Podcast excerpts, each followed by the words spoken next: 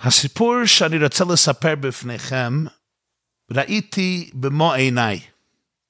זה היה ביום ראשון, פרשת ויקל, כ"ו אדר ראשון, תשנ"ב. רבי מלובביץ' עמד על רגליו במשך כשש או שבע שעות במרכזו, בבית מדרשו 770 מיסטן פארקווי בברוקלין, ניו יורק, וכדרכו בכל יום ראשון חילק דולרים, עצות וברכות לאלפי אנשים, נשים וטף שנהרו מקרוב ומרחוק כדי לקבל ברכה, עצה ודולר מהרבי ליתן לצדקה. בדרך כלל, אני לא הייתי הולך לחלוקת הדולרים של הרבי, כי אני גדלתי באותה שכונה בקראון הייטס וגרתי שמה. אבל באותו לילה, יום ראשון ללילה, לאחרי חצות הלילה, לפנות בוקר של יום שני, הייתה לי טיסה לארץ ישראל להשתתף בחתונה של בן דוד בבני ברק. אז החלטתי לפני הטיסה שלי, לפני הנסיעה שלי לארץ, ללך לקבל דולר וברכה מהרבי מלובביץ'. אז נכנסתי לחדר, זה היה פרוזדור קטן, שם היה עומד מחלק דולרים ונפגש עם כל האנשים שהגיעו. אז בתחילה עמדתי על הצד אצל הגבאים והמזכירים, פשוט להסתכל על המעמד, לראות המון המון אנשים ונשים וילדים וילדות מכל גווני הקשת, מכל המגזרים, הגיעו ממש מארץ ומכל העולם כולו, כדי לקבל או עצה, או חוות דעת, או ברכה, או דולר לצדקה מהרבי, והסתכלתי על זה, זה היה באמת אה, נפלא נפלא לראות. ולבסוף, הטור כבר הגיע קרוב לסיומו, אז אני גם נעמדתי בטור כדי לעבור על יד הרבי. כמובן לא שיערתי שזו תהיה הפעם האחרונה שהרבי יחלק דולרים. השעה הייתה, אם אני זוכר טוב, זה היה לערך שש בערב או שש וחצי בערב, יום ראשון. ממש לפניי בטור עמד אבא, אחז בידו, בחיקו, ילדה שהייתה נראית כבת ארבע. הוא היה נראה כמו יהודי מצרפת, יהודי חילוני או מסורתי, לא חסיד, לא דתי או חרדי או חב"דניק. כשהוא עבר על יד הרבה, אז הרבה הושיט את ידו ליתן דולר לצדקה לילדה שלו. ובקול רם היא מסתכלת על הרבה ואומרת במאור פנים, רבי of Lubavitch, I love you. רבי מלובביץ', אני אוהבת אותך, אותך. זה לא היה דבר רגיל. אנשים התחילו לצחוק, וגם הרבה פניו אורו, פניו זהרו באיזה אור עילאי שמימי. החיוך שהיה נסוך אז על פניו הקדושות מילאו את כל החדר. באיזה שלווה ורוגע ותענוג. אני לעולם לא אשכח את הרגע הזה. רבי כבר היה יהודי בן 89, עמד על רגליו כמעט כל היום. הקשיב לאנשים מכל גווני הקשר במשך שש או שבע שעות, ודיבר ובירך ללא הרף. ובאותו רגע כל העולם נעצר. והפנים שלו זהרו באיזה אהבה וחיבה ואור רוחני. אבא כבר פנה ללכת עם הילדה שלו. הרבה מסתכל עליה ואומר לו, Thank you very much. תודה רבה. אחר כך מעניק לה דולר שני ואומר להילדה, This is for your love. זה בשביל האהבה שלך. אחר כך הגיע התור שלי, החיוך נסתלק מעל הפנים, הרב נתן לי דולר ואמר לי ברכה והצלחה. המזכיר שלו, הרב יהודה לייב גרונר, אמר לו שאני נוסע באותו ערב לארץ ישראל, אז הרב נתן לי דולר שני ואמר לי ביידיש, אופגבן אף צדוקה ארץ הקודש. תמסור את זה לצדקה בארץ ישראל, בארץ הקודש. בדיוק 24 שעות לאחר מכן, ביום שני, כ"ז אדר א' תשנ"ב, הרב עמד בתפילה על הציון הקבר של חותנו, אדמו"ר השישי לבית חב"ד, אדמו"ר הרייץ, רבי יוסף יצחק שניירסון. כדרכו בשנים האחרונות היה הולך פעמיים בשבוע להתחנן ולהתפלל לקדוש ברוך הוא אצל האויל של חותנו בקווינס, ושם היה קורא אלפי פדיונות ומכתבים שנתקבלו מיהודים מכל העולם כולו, ושמע הרבה לקה באירוע מוחי. בליבי ובמוחי אני עוד יכול לשמוע את דברי הרבי לאותה ילדה. This is for your love. זה עבור האהבה שלך. אבל הדברים קיבלו עבורי משמעות יתר בגלל מה שקרה יום לפני זה. לקח לי קצת זמן לראות את הקשר, אבל אחר כך ראיתי את הקשר. זה היה בשבת, שבת פרשת, שבת פרשת ויקל, חוף ה' עודר א', יום ראשון כבר היה פרשת פקודי, סליחה, עשיתי טעות. שבת היה שבת פרשת ויקל, חוף ה' עודר באלף. כדרכו בכל שבת הרבי התוועד.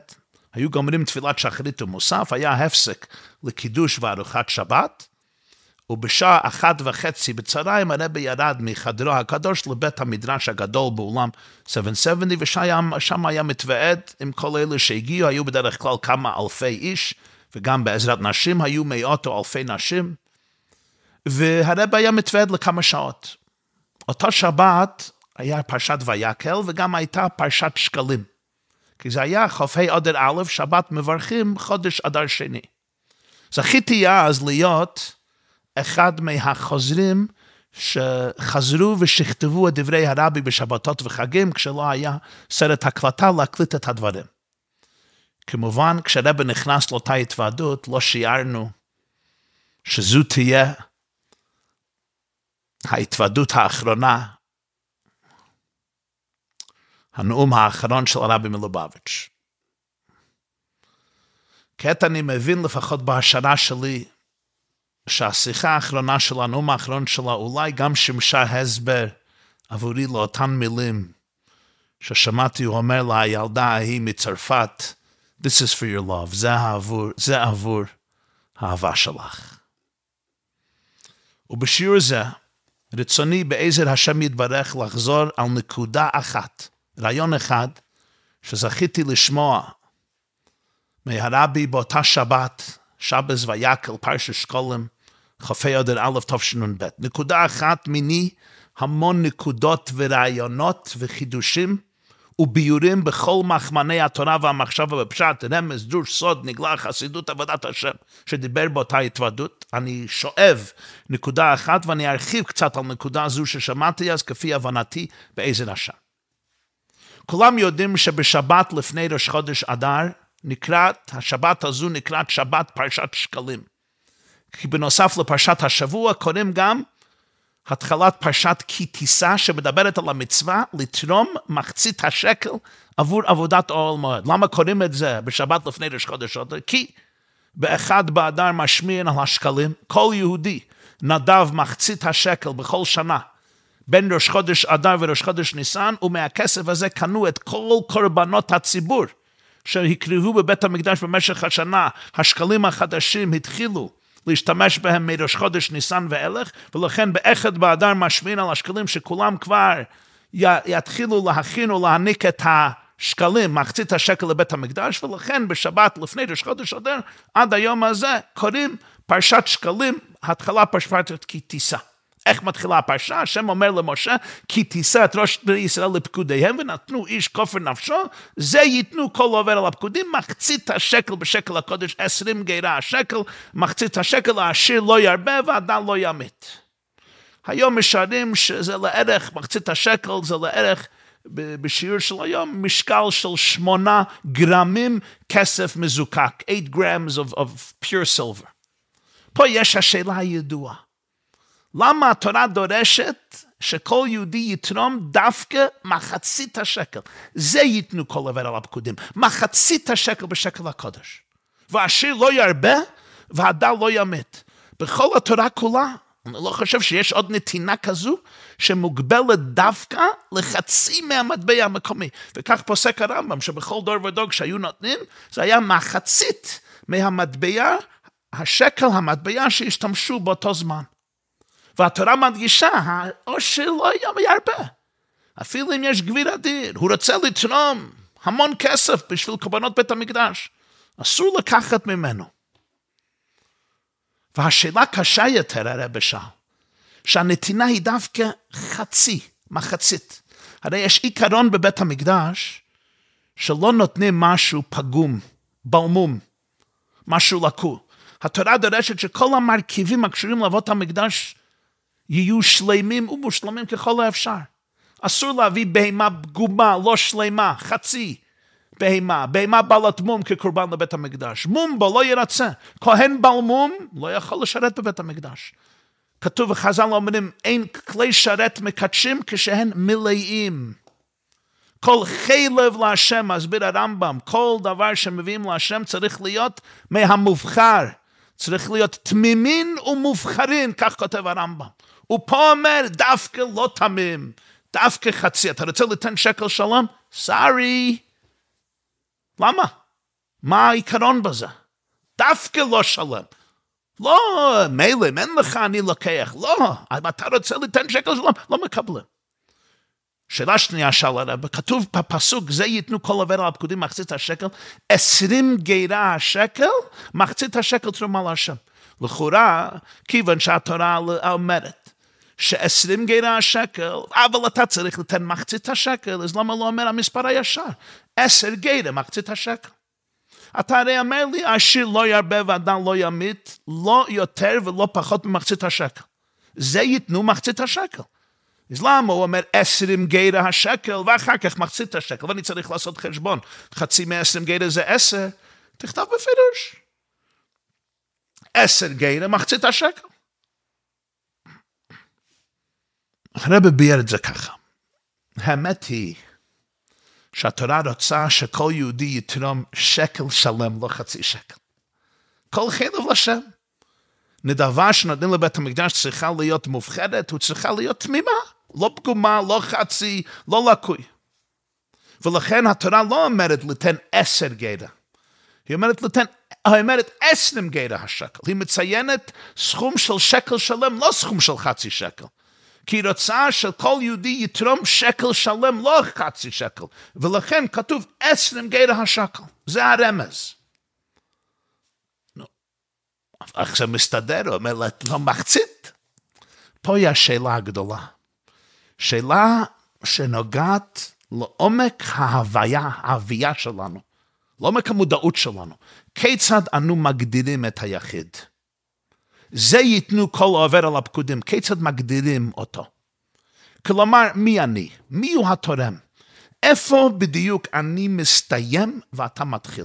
איפה הזהות שלי מסתיימת והזהות שלך או שלך מתחילה? האם האדם במקומו העמוק ביותר הוא יצור בודד, נאבק באתגרים ובמבוכות פנימים ונפשים. במרחב הפנימי והעמוק של האדם, אני בודד בעולמי. האתגרים שלי אינדיבידואליים, אף אחד לא יכול לא להבין אותי, לא להעריך אותי. המציאות הפנימית שלי נמצאת במרחב מסתורי ומורכב, שאף אחד אין לו השגה בזה, ויוותר יעקב לבדו.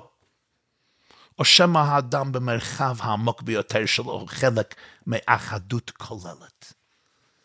כלומר, בשיא העומק, האם אני יצור בודד, או יצור שהוא חלק מאחדות, חלק ממערכת כוללת. בהשקפה ראשונה, אני בודד, אני יחיד. כל אחד יודע, יש דברים בחייך שאף אחד לא יודע. גם לא יכול לדעת. אפילו אם יש לי חבר נאמן וטוב, אפילו אם יש לי קשרים באמת עמוקים עם אחרים, שאני יכול לגלות את מצפוני ליבי, אבל יש נקודות מסוימות, יש דברים רגישים, יש השקפות מסוימות ויש רגש מסוים, שבזה אתה נשאר לבד. אנשים יכולים להבין, להזדהות, להפגין אמפתיה אמיתית, לא מדבר על אמפתיה מזויפת. אבל סוף סוף, נחמי ברסלו אומר, אני, דוד המלך אומר, אני ידעתי כגודל השם. רב נחמן כותב בכתביו, אני ידעתי גודל השם, יש נקודה שרק אני ידעתי. יש החוויה האינדיבידואלית של החיים ששייך לך. זה מצד אחד, וזה כמובן צודק. וצריך להעריך את זה וצריך להבין את זה ולא להתבייש בזה.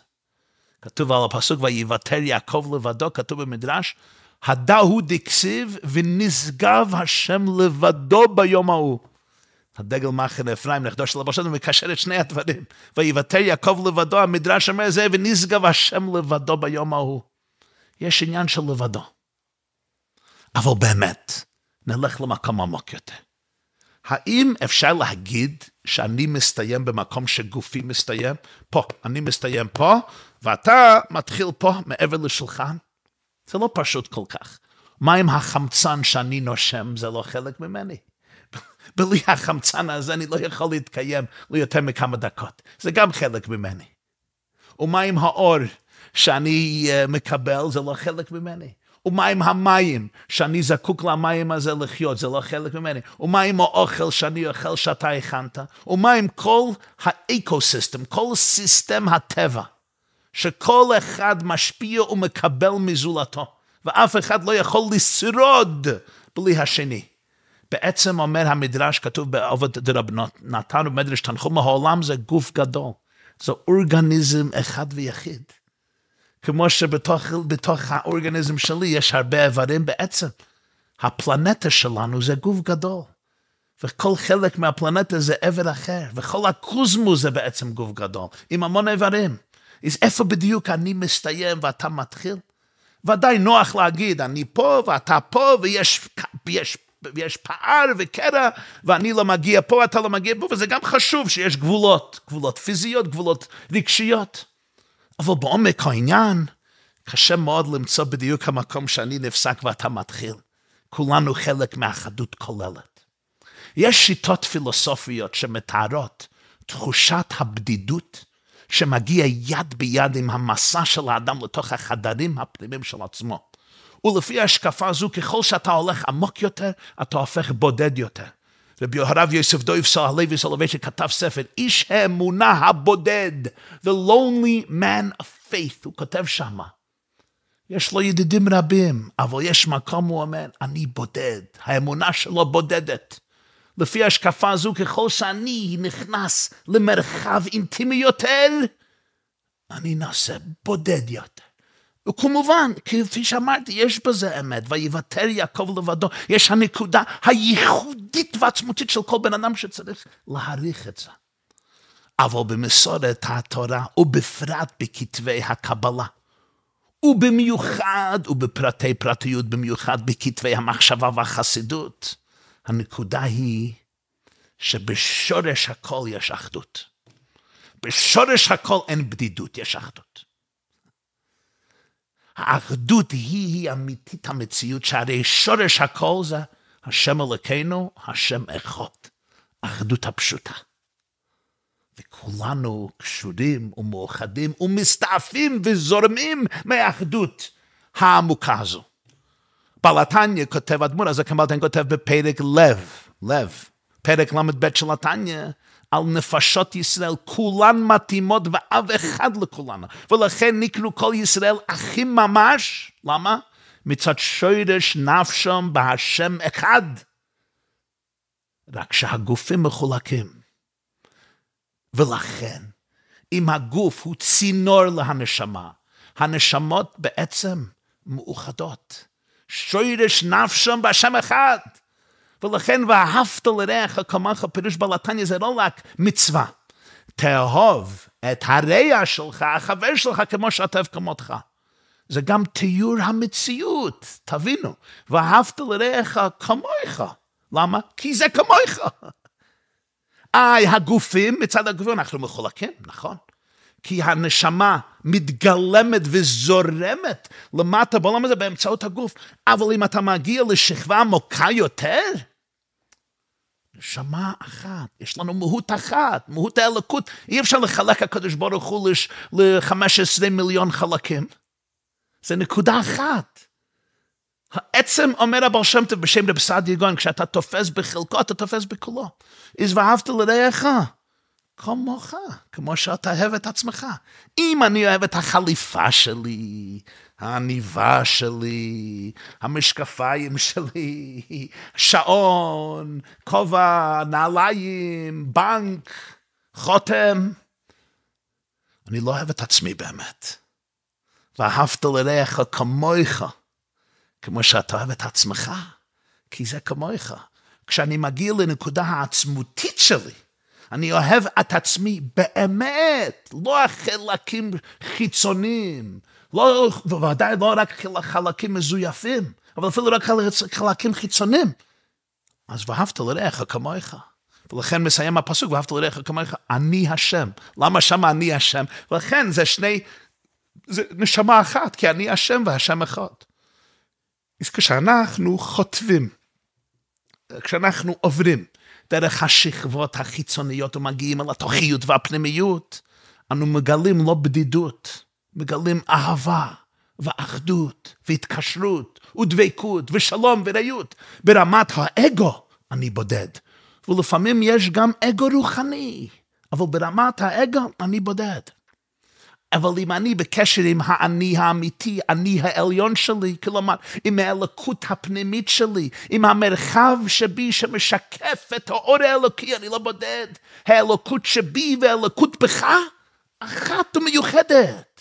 אחדות הפשוטה, כמו איברים של גוף אחד, כמו גוונים של ציור אחד, כמו לבנים של בית אחד, כמו תווים של קומפיזיציה יחידה. כך לימד הבעל שם טוב מייסד תורת החסידות, שאם אני מרגיש, אולי מאוד רוחני, מאוד נפשי, מאוד פסיכולוגי, אבל אני בודד ונפרד, אני תקוע עדיין בבועה המקיפה את נשמתי. אני תקוע עדיין באיזה קליפה. לא נגעתי במרחב הקדוש של הנשמה עצמה. ברגע שאני חווה את הנשמה, אני פצצה של אהבה.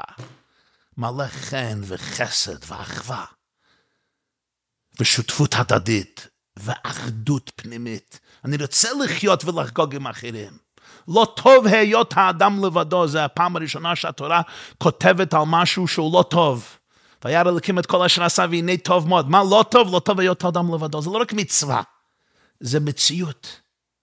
אחד מהפצעים העמוקים של בן אדם הוא כשאני נאלץ ואולי בגלל סיבות לא תלויות בי, להיכנס לבועה נפשית של בדידות, ואני מפחד, במודעות או בתת מודעות, לצאת ממקום המחבוא שלי.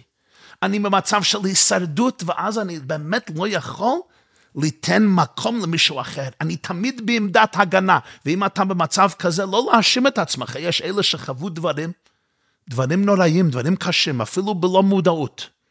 אולי הם לא יודעים מזה, ולכן הם בעצם מתחבאים, מתחבאים מכל העולם וגם מתחבאים מעצמם. קשה להם להיפתח. קשה לאלה מאיתנו שסבלו בדרכים אלה, לפתוח את עצמנו לאהבה, כי הפצע עמוק, אני לא רוצה להיות שוב פגיע. אם אני פותח את הלב שלי, אם אני מעז לאהוב ולהתאהב, אם אני מעז לחוות ולנשום את, הצור, את המקום הזה בתוכי, אני יכול להיות פגיע, ואם אני הייתי בן ארבע, וחוויתי דברים קשים, או ילד בן עשר, או ילדה בת 12, אני כבר לא רוצה לפתוח את הלב כדי לקבל עוד דקירה. אז אני נכנס לתוך כלא, אני נכנס לתוך כלוב, אני סוגר את המנעול מהלב שלי, ולפעמים גם זורק את המפתח. וצריך לכבד את מערכת ההישרדות שלי, זה נקרא בתניא נפש הבעמית, אבל לא לתפוס את זה כסיפור השלם של זהותי. כי אפילו אם אני חושב שאני זרקתי את המפתח להלב, הנשמה לא זרקה את המפתח. הנשמה נשארת חלק אלוקה ממעל ממש, ולכן בשבילה אחדות עם עצמה, ועם העולם, ועם אחרים, ועם עם ישראל, ועם אלוקים. נשארת אורגני, ראשוני, טהור. בלתניה כותב שם בפרק ל"ב, ולכן עושים גופם עיקר ונפשם תפילה. אי אפשר להיות אחווה ואהבה אמיתית ביניהם, אלא התלויה בדבר לבדה. כלומר, אם אני קשור רק לשכבות חיצוניות ממני, אני יכול להתקשר איתך, אבל רק אם יש מוטיב, משהו שיהיה תועלתי בשבילי. אהבה תלויה בדבר, אתה תיתן לי משהו בסדר. אבל אם אני מחובר למציאות הפנימית, אז הקשר עצמו זה השכר הכי גדול. החיבור עצמו, הדבקות עצמה, היא התכלית. תחושה זו לא נובעת מאיזה תלות בלתי בריאה, או חוסר תפקוד. להפך, מביטחון פנימי הכי עמוק. כי ההבחנות האדירות ביני לבינך, כשיש פער עצום, זה רק כשאני בקשר בלעדי עם אני הרדוד שלי, עם אגו.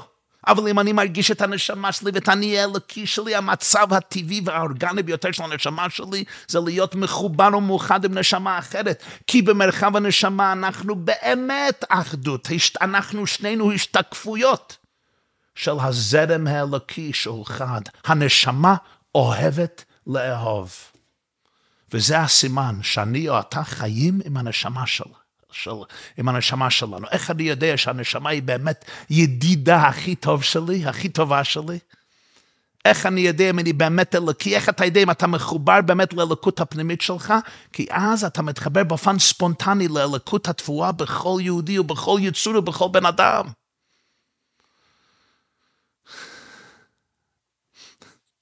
צריך לספר משהו, שאשתי מראה לי משהו. מישהו כותב, מישהו כותב לה איזה אס.אם.אס או טקסט, שמבקשת ממנה לעשות החלטה לא לדבר לשון הרע לשעתיים.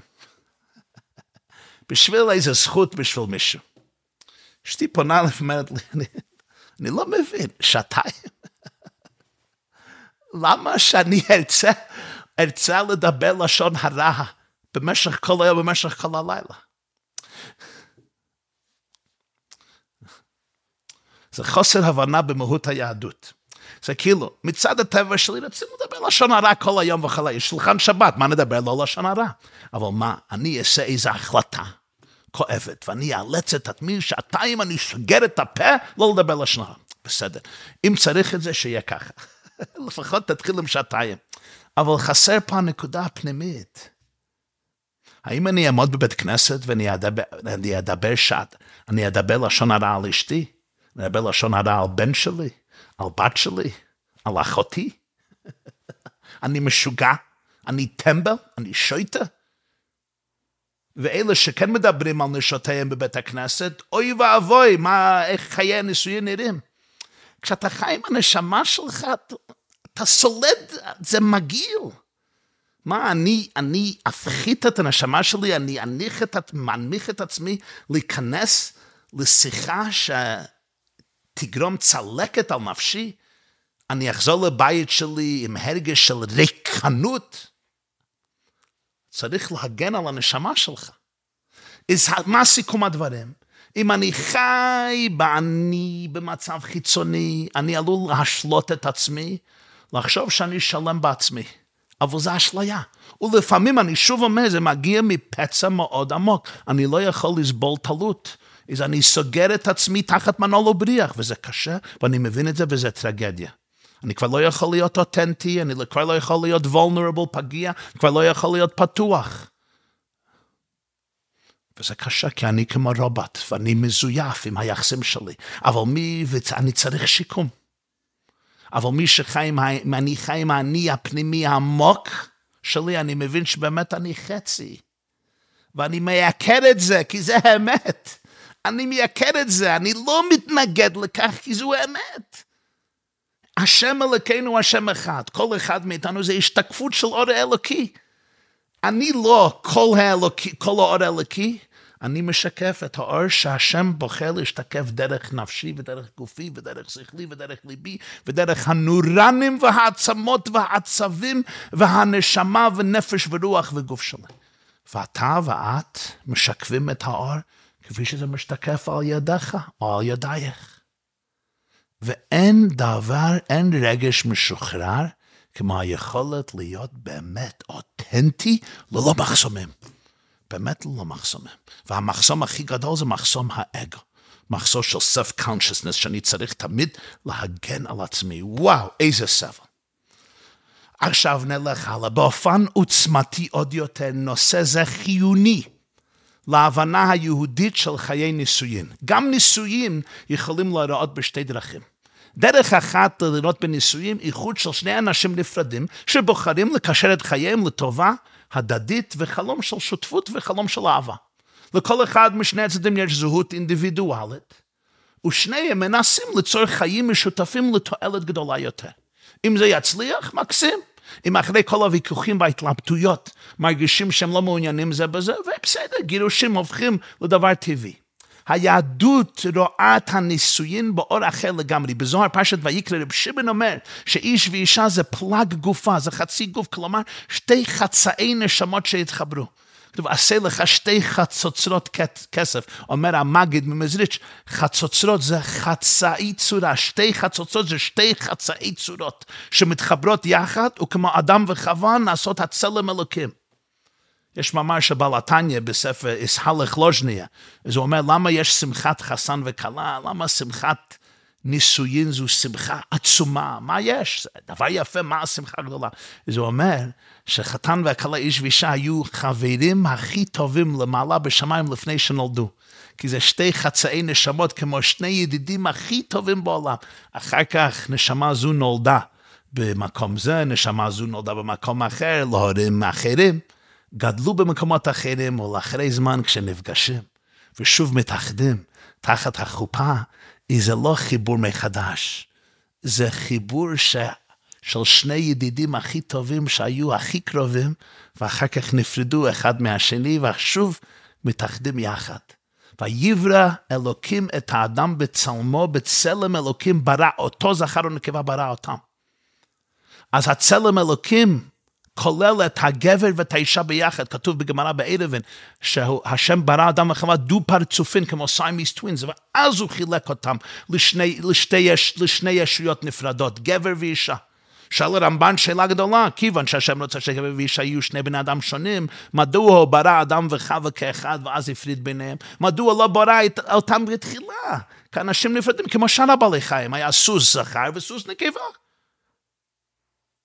כל חיה, כל בהמה, הוא ברא זכר ונקבה. למה דווקא באדם וחווה הם נוצרו כאחד ואחר כך נפרדו? התשובה היא, השם רצה להדגים לנו את האמת. שגבר ואישה, נישואין זה בעצם שני חצאים של דבר אחד שחוזרים יחד. זה בעצם אורגניזם מאוחד. מה משמעות הדבר, מה זה נגיע? כי נישואים הם לא ביטול המציאות הטבעית של האדם למען התאחדות עם שני. אני, אני, אבל אני מבטל את עצמי כדי להיכנס לחיות עם מישהו אחר. אדרבה. באמצעות אירוסין ונישואים חוזרים אישה ואיש למצבם האורגני, הטבעי והאמיתי, ישות יחידה ומאוחדת המשקפת את השם אחד בצלם אלוקים, כל אחד בדרכו הייחודית. זה לא פירוש שהגבר והאישה יש להם אותה אישיות ואותו טעם. ואותם uh, patterns, אותם מנהגים ואותם, ודאי, זה שני, שתי אישיות שלו ואישיות שלו, להפך. אז אפשר להעריך את האישיות של כל אחד. כי נישואים אמיתיים מאפשרים לאישה ולבן לגלות את העצמי המלא שלהם, אבל עצמי המורכב מאנרגיה גברית ונשית. לכן כשאתה מתרעם, או חלילה מתעב את בן הזוג או בת הזוג שלך או שלך, אתה בעצם מתרעם או מתעב את עצמך. כשאתה כועס על בת או בן הזוג, אתה כועס על עצמך. המאבקים שאתה חווה עם בן או בת הזוג הם בסופו של דבר מאבקים שאתה צריך לסדר בתוך עצמך, היא הטריגר. לך למצוא מה שקורה בעצמך, זה מאפשר לך למצוא את הפוטנציאל שלך. זה לא מכשולים מבחוץ, זה מכשולים מבפנים, המאתגרים את העצמי מול העצמי כדי לאפשר לך להפוך לאדם שאתה באמת מסוגל להיות. לכן אדם אומר, זאת הפעם, עצם מעצמי ובשר מבשרי. זה לא תמיד קל, הפעמים אני סגור ומסוגל, אני פצוע, אבל אני צריך ריפוי שיקום. לא לעשות שיטה מבדידות, שיטה מפירוד. יש פסיכולוג גדול אמר, the antithesis of addiction is not sobriety, the antithesis of addiction is connection. הניגוד להתמכרות זה לא שאני כבר לא מכור. הניגוד זה קשר, אחדות. ולכן מנקודת מבט יהודית, לא מתכוננים לגירושין. אתה לא נכנס לרופא עם דלקת יד ואומר, היי רופא, בבקשה תרפא את הזיהום שלי. אם אתה לא, נו, קטע לי את היד והחיים ימשיכו. זה אבסורד. קטיעה זה לא אופציה, זה הכרח טרגי בנסיבות קיצוניות כאשר החיים מונחים על כף מאזניים. גם בגירושין. ודאי במקרים מסוימים, גירושין זה הדבר הנכון. זה כואב, אבל זה דבר נכון. לכן יש הלכות של גירושין בתורה, ולפעמים גירושין, ליתן גט זה נחוץ ומציל חיים. ואתה לא צריך להגיש אשמה. אולי הצלת את עצמך ואת הילדים שלך, או עצמך והילדים שלך. אבל לא לשקול את זה כתוכנית, כשאני נכנס לנישואין, או זה חלק מתוכנית אפשרית. אפשרית. חלילה. עלינו לאדמן את עצמנו לחשוב במונחים אחרים. בן זוגי ואני מאוחדים בעצמיותנו, זו המציאות, זו האמת האלוקית. יש לנו בעיות? בסדר. Welcome to the club. בוא נעבוד עליהם כדי לאפשר לשנינו לחזור למצב האחדות הטבעי שלנו. כשאתה נכנס לוויכוח עם עצמך, או שאתה חווה תחושה של שנאה עצמית, עימות עצמי, אתה לא מתגרש מעצמך, אתה צריך לפתור את זה בתוך עצמך. ויכוח עם אשתי זה ויכוח עם עצמי, הבן זוג מייצג חלק אחר מעצמי. אולי בחברה החילונית, אחת מהסיבות שיש המון גירושים. פה באמריקה לפעמים יש קהילות, יש מקומות ש-50 אחוז מבני זוגים מתגרשים. חסר יסוד זה, הבסיס הזה. אנחנו מאוחדים לעד ולנצח נצחים, זה שתי חצאי נשמות. אם אני לא מסתדר איתך, אני לא מסתדר עם עצמי. זה היסוד של היהדות. עכשיו נחזור למצוות מחצית השקל. התורה רוצה שכל אחד מאיתנו יתרום שקל שלם.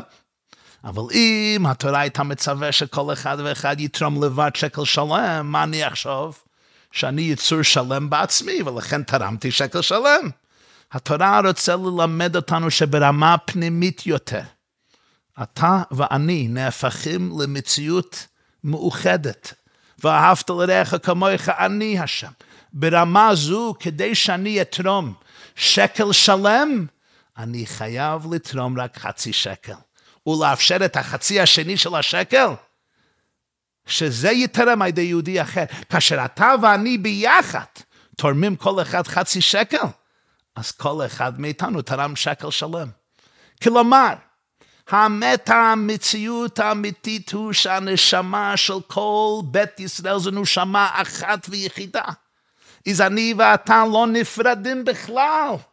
זה אחדות ממש, ממש כמו איברים של גוף אחד.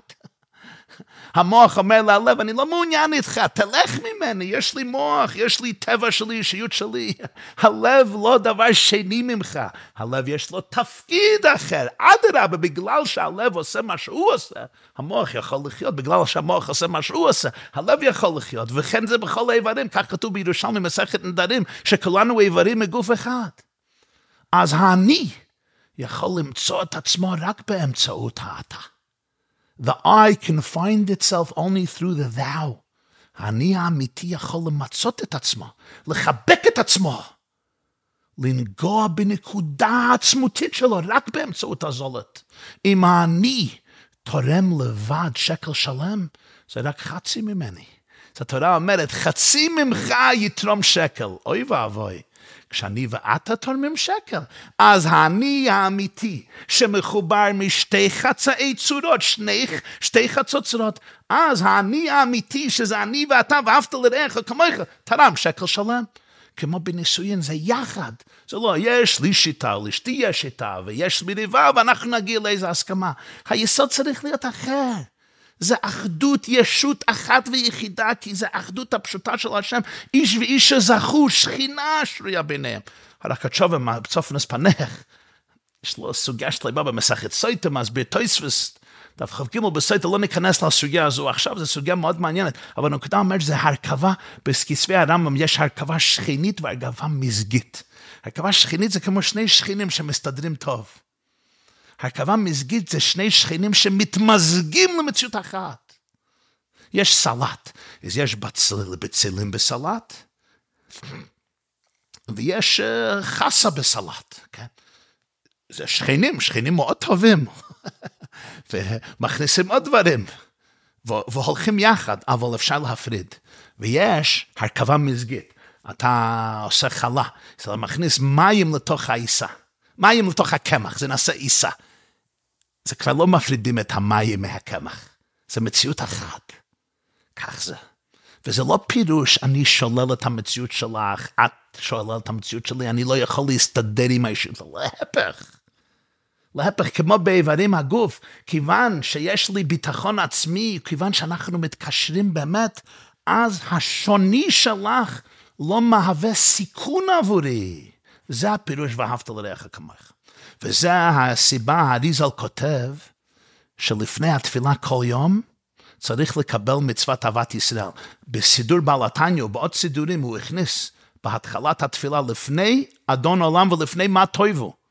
הריני, שנכון לומר קודם התפילה, הריני מקבל עליי מצוות עשה של ואהבת לרעך כמוך. יפה מאוד, אבל למה מצווה זו? יש המון מצוות לקבל, למה לא מקבלים מצוות אחרות? מסביר אדמו"ר הצמח צדק, נכדו של בעל בספר דרך מצוותיך, מצוות אהבת ישראל. מסביר משהו נפלא שבנפלא. הרי כתוב בגמרא תפילות כנגד קרבנות תקנום. יש סוגיה במסכת הברכות, מתעללים תפילת שחר כנגד תלמיד של שחר, תפילת מנחה כנגד תלמיד של בן ארבעים, תפילת מיידב כנגד אמורים ואיברים שנקטרו ונשרפו במשך הלילה על המזבח, זה תפילת ערבית. ונשלמה פרים שפתנו, התפילה שלנו זה כנגד קרבנות, אבל מי הקורבן עכשיו בעת התפילה? זה לא בהמה, זה בהמה בתוך עצמי. אדם כי יקריב מכם קורבן לשם מן הבהמה, מן המקום, מן הצאן, תגידו את אומרים, בהמה בתוך שלי, בתוך עצמי. אנחנו הקורבנות. אנחנו מקריבים את עצמנו לשם. מתקרבים, קרבון זה מלשון קירוב, להתקרב, כך כתוב בספר הבאיר וברבנו בחיה. אומר הצמח צדק, מה היסוד בקרבנות ופרשת אמור? כל מום לא יקרב, מום בו לא ירצה. לא מביאים בהמה, כבש, עז, שור, פרה, בלי יד, בלי רגל, קטוע, בלי עין, זה בלמום, לא ירוצה, צריך להיות בהמה שלמה. אומרת צדיק, אם אני מגיע לתפילה, ואני לא מדבר לאח שלי, ואני לא מדבר לאחותי, ואני לא מדבר לגיס שלי, ואני יש לי מחלוקת עם גיסה שלי, ולא מדבר לאימא, ולא לנכד, ולא לנכדה, ולא לבן, ולא לגיב, ולא בן דוד, ולא בן דוד שני, ולא בת דודה. ויש לי מחלוקת בקהילה זו, בקהילה זו, ו...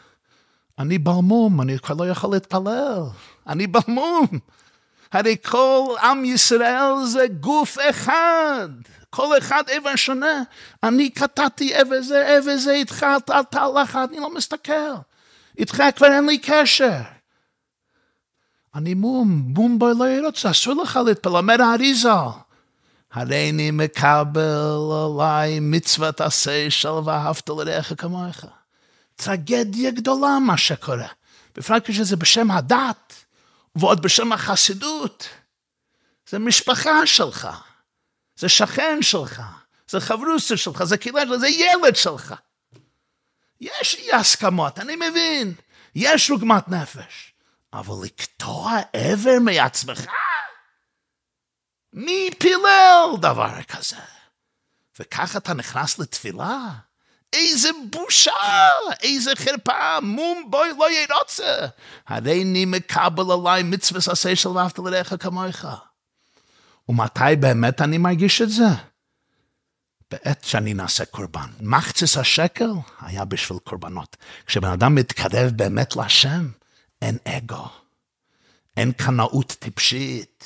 הדת לא מעבירה אותי על דתי. אני לא נכנס לאיזה בועה אגואיסטית.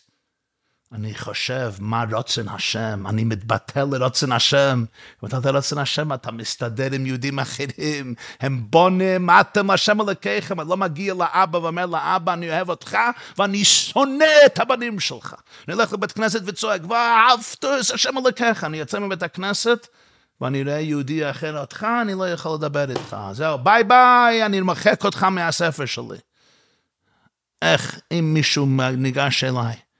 ואומר רבי יוסף יצחק, אני אוהב אותך אהבת נפש, הבנים שלך, אני שונא שנאת נפש. תעשה לי טובה, אל תגיד לי שאתה אוהב אותי. אל תגיד לי ואהבת את השם אלוקיך. בוא נלך לשלב עמוק יותר, כתוב בתלמוד ירושלמי מסכת שקולים פרק ב' הלוך ג' מה אתה מחצית השקל? מאיפה נולד המספר הזה מחצית השקל? כתוב בתלמוד ירושלמי דבר נפלא ונורא. בפרשת וישב, מכרו האחים את יוסף הצדיק, ויעברו אנשים מדיינים סוחרים וימשכו ויעלו את יוסף מן הבור וימכרו את יוסף לישמעאלים בעשרים כסף. ויביאו את יוסף מצרים, אומר הירושלמי, עשרים כסף עולה לחמישה שקלים בשקל הקודש. והיו עשרת שבטים שמכרו את יוסף, הגם שראובן, היו תשע שבטים שהיו שם. ראובן עזב, אבל אחר כך חזר, והוא גם קיבל חלק מהכסף. אז כל אחד מהשבטים חילקו את העשרים כסף בין עשרת שבטים. העשרים כסף היו חמישה שקלים, אז אם מחלקים חמישה שקלים בין עשר, עשרה אחים, כמה יש לכל אחד? מחצית השקל. אז כמה קיבלו עבור מכירת יוסף? כל אחד הלך הביתה עם מחצית השקל. אומר התלמוד ירושלמי, אנחנו נוסעים, נותנים כופר נפש. זה ייתנו, אנחנו, הכופר נפש, הכפרת הנפש שלנו, מחזירים לקופת בית המקדש את מחצית השקל שאבות אבות אבותינו קיבלו כשמכרו את יוסף. מה הקשר בין הדברים? ירושלמי נוראה. ירושלמי נפלא, מה הקשר? מה הקשר? זה רבי פעם ערך סיום על מסכת שקלים. זה היה בניסן תשל"ח. הוא ביאר משהו נפלא בזה, אני רוצה להודות לעמיתי הרב שניאר שליטה אשכנזי, שכתב מאמר עם הגדרות מאוד קלות בעניין הזה. סכסוך ונתק בין אנשים תמיד נשען על האמונה, אני לא צריך אותך. אתה משגע לי את החיים, החיים שלי יהיו הרבה יותר ברוכים אם אין לי שיח ושיג איתך. בני זוג שמחליטים חלילה לקרוא את הקשר ביניהם, מה החשיבה? אני אסתדר נהדר בלעדיה. אני אוכיח לו שאני לא זקוקה לו. אחים שקוראים את המשפחה מנתקים את הקשר ואומרים, הוא נודניק. החיים יהיו מאושרים בלעדיו, בני קהילה מנתקים קשר, שכנים מנתקים קשר, מה אומר? אתה משגע לי את החיים, אתה עושה טריגרים, אבל אני לא צריך לך, להפך, אתה מפלצת, אתה חלום בלהות. מה אמרו אחי יוסף? וישנאו אותו ולא יכלו אותו דברו לשלום, לכו ונהרגהו ונשליכהו באחד הבורות ונראה מה, מי יהיו חלומותיו. אנחנו צריכים אותו. אנחנו צריכים את הילד הזה שיגיד לנו שכולנו נשתחווה לו עם השמש ועם הירח, וכל העלומות שלנו נסגוד אליו. נזרוק אותו לבור ונשכח. נשכח את העניין, החיים יהיו הרבה יותר טובים, מתוקים, נעימים, מאוחדים. אבל כולנו יודעים איך הסיפורים האלה מסתיימים. אי אפשר לרמות את הנשמה, אי אפשר לרמות את הקדוש ברוך הוא, אי אפשר לרמות ריאליות, יהדות, חסידות, חשיבה שלא בנויה על האמס לאמיתוי של השם אלוקים אמס, תתפוצץ לך, תתפוצץ לך בפנים או היום או מחר או בעשר שנים. אי אפשר לרמות את המציאות האמיתית. הקהל הגודל, הגיבר והנרע שלא יישא פונים ולא ייקח שויחת. האם אחי יוסף ידעו להסתדר בלעדיו. חזרו ליעקב אבינו וראו את היגון, ראו את ההנחה, כבר לא מחלו לעצמם. אבל המשך הסיפור מגלה לנו הרבה, משהו הרבה עמוק יותר. הגיע רעב, האם אחי יוסף היו יכולים לחיות בלעדיו? להפך, יוסף הוא השלט על הארץ, יוסף הוא המשבר בר. בשנות הרעב האיומות כשלא היה מאזן ולחם לאף אחד. מי הזין אותם? ויכלכל יוסף את כל לחם לחם לפי הטף. כל עוד הוא חי, להם היה ממה לחיות. אם יוסף לא היה שם, הם לא היו יכולים לחיות. הוא זה שמציל להם את החיים. ההשגוחה העליונה הבילה את יוסף להיות משנה למלך מצרים, והוא זה שקלט אותם על אדמת מצרים וזן אותם בשנות הרעב, ולכן כל ישראל נקראים על שם יוסף, לא יהיה ישראל האזינה נויה קצרין יוסף, כמו שרש"י כותב בתהילים מזמור פה. הדבר משול לשני האחים, מנתקים את הקשר ביניהם, אבל אז אחד מהם צריך תרומת כליה. ולמי יש כליה המתאימה? רק האח המסוכסך איתו. בני אדם בכלל, וכל שכן בני הים היהודי, בני העם היהודי זה רקמה אנושית אחת. כל אחד מעניק את הצבע והתרומה שלו על תוך הרקמה הרב גוונית הזו. כל מוצר שאנו מחזיקים ביד זה פרי שותפות של המון בני אדם. כל בן אדם חייב, לא יאמר, כתוב במשנה סנהדן ל"ח, חייב כל אחד לא יאמר בשבילי נברא העולם. כל אחד מכניס משהו, כל אחד הוא מקבל אבל גם משפיע. המחשבה לפיה אפשר להתנתק באמת, זה כמו שהמוח אומר, אני מתנתק מהרגליים שלי, אני מתנתק מהידיים שלי, אתה יכול אבל אתה תישאר נקי. בלמום, מום בוי לא ירוצה. ועל פי זה ביר הרב משהו מעניין מאוד. אומר, יש תלמוד בבלי ותלמוד ירושלמי, שני תלמודים שונים, רבי יוחנן ערך תלמוד בבלי, רבי נבי רבשי, רבי יוחנן ערך תלמוד ירושלמי, מאה שנה לפני תלמוד בבלי, רבי נבי רבשי ותלמידיהם ורבנן סבורה ערכו תלמוד בבלי, כמבואר ברמב"ם בהקדמת יד החזקה. יש מסכת אחת יוצאת מן הכלל, מסכת השקולים של תלמוד ירושלמי, נתפס בתלמוד בבלי, באמס אלה שלומדים דף יומי, תלמוד בבלי לא לומדים תלמוד ירושלמי, זה לימוד אחר. הלב שמחה מגור תיקן דף יומי ירושלמי, רב מאיר שפירא תיקן דף יומי תלמוד בבלי. שני תלמודים שונים, אין תוירה כדי אצלו, וזו עבר את היית, אין תוירה כדי אצלו. רב זיירה כתוב בבב מציע, התחיל בבב מציע, רב זיירה התענה, ארבעים או מאה תעניות, יש שתי גרסאות, למה? כדי לשכוח תלמוד בבלי, להבין את תלמוד ירושלמי, כי זו סוגיה אחרת. יש יוצא מן הכלל אחד, מסכת שקלים, מסכת שקלים, גם בדפוס ראשון של תלמוד בבלי, זה ויניציה, שנת האלפים רפ"ב, זה דפוס הראשון של תלמוד בבלי בהיסטוריה. 1522, 1522, רפ"ב, זה 30 שנה לאחרי גירוש ספרד, רנ"ב. 30 שנה. רפ"ב זה אפילו בדפוס ראשון, מסכת שקולם זה בתוך תלמוד בבלי. ומאלה שלומדים דף יומי, לומדים מסכת שקולם גם בתלמוד בבלי. הגם שזה תלמוד ירושלמי, למה? רב אמר, לחידודיה, על דרך הצחת אפשר להגיד, כי זה מסכת שקלים. מסכת שקלים זה מסכת האחדות. מחצית השקל. אז גם בשני התלמודים פה מתאחדים. אין תלמוד בבל ירושלמי פה, מחצית השקל שתי חצי צורות. וכשם שהוא בין בני ישראל, כך זה גם בין ישראל והשם, בין יהודי והקדוש ברוך הוא. זה לא שאנחנו צריכים ליצור אחדות חדשה.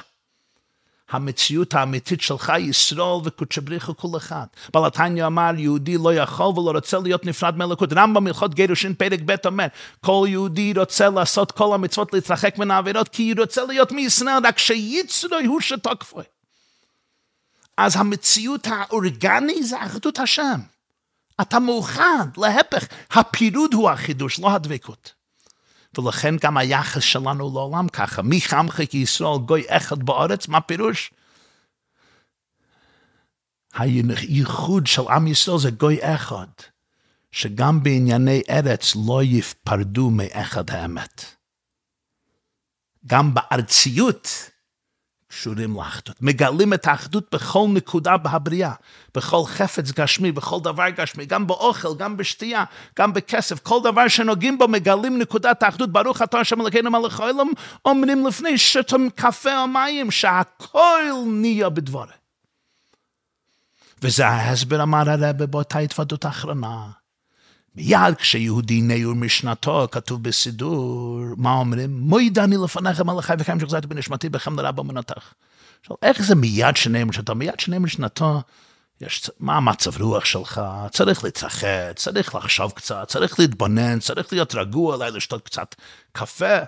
מיד כשנעור משנתי פתחתי את העיניים לפני שנטלתי את ידיי, אני כבר מוכן להכרזה עמוקה, חוויה דתית רוחנית כזו, מוידה אני לפניך מלך חי וקיים שחזרת בנשמתי בחם לרע באמונתך, ממש מיד כשפתח את עיניו, איך זה קורה?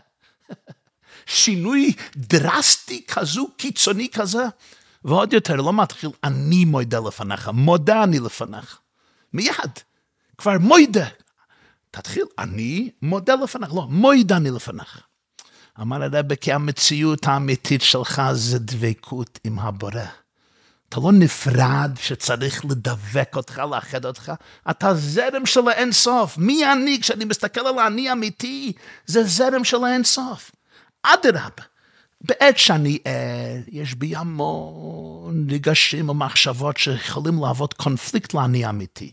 אבל בעת שאני ישן, אז הרצונות הגלויים מתעלמים, מתגלית התת הכרה. אומר הרמב"ם שרצונו האמיתי של כל יהודי זה להיות קשור עם אלוקי ישראל. אז לכן ברגע שאני נהיה משנתי צריך ללך מיד לאמת, מיד לפנימיות. זה לא אפילו אני מוידה לפניך, זה מוידה אני לפניך. אני זה חלק מהמוידה.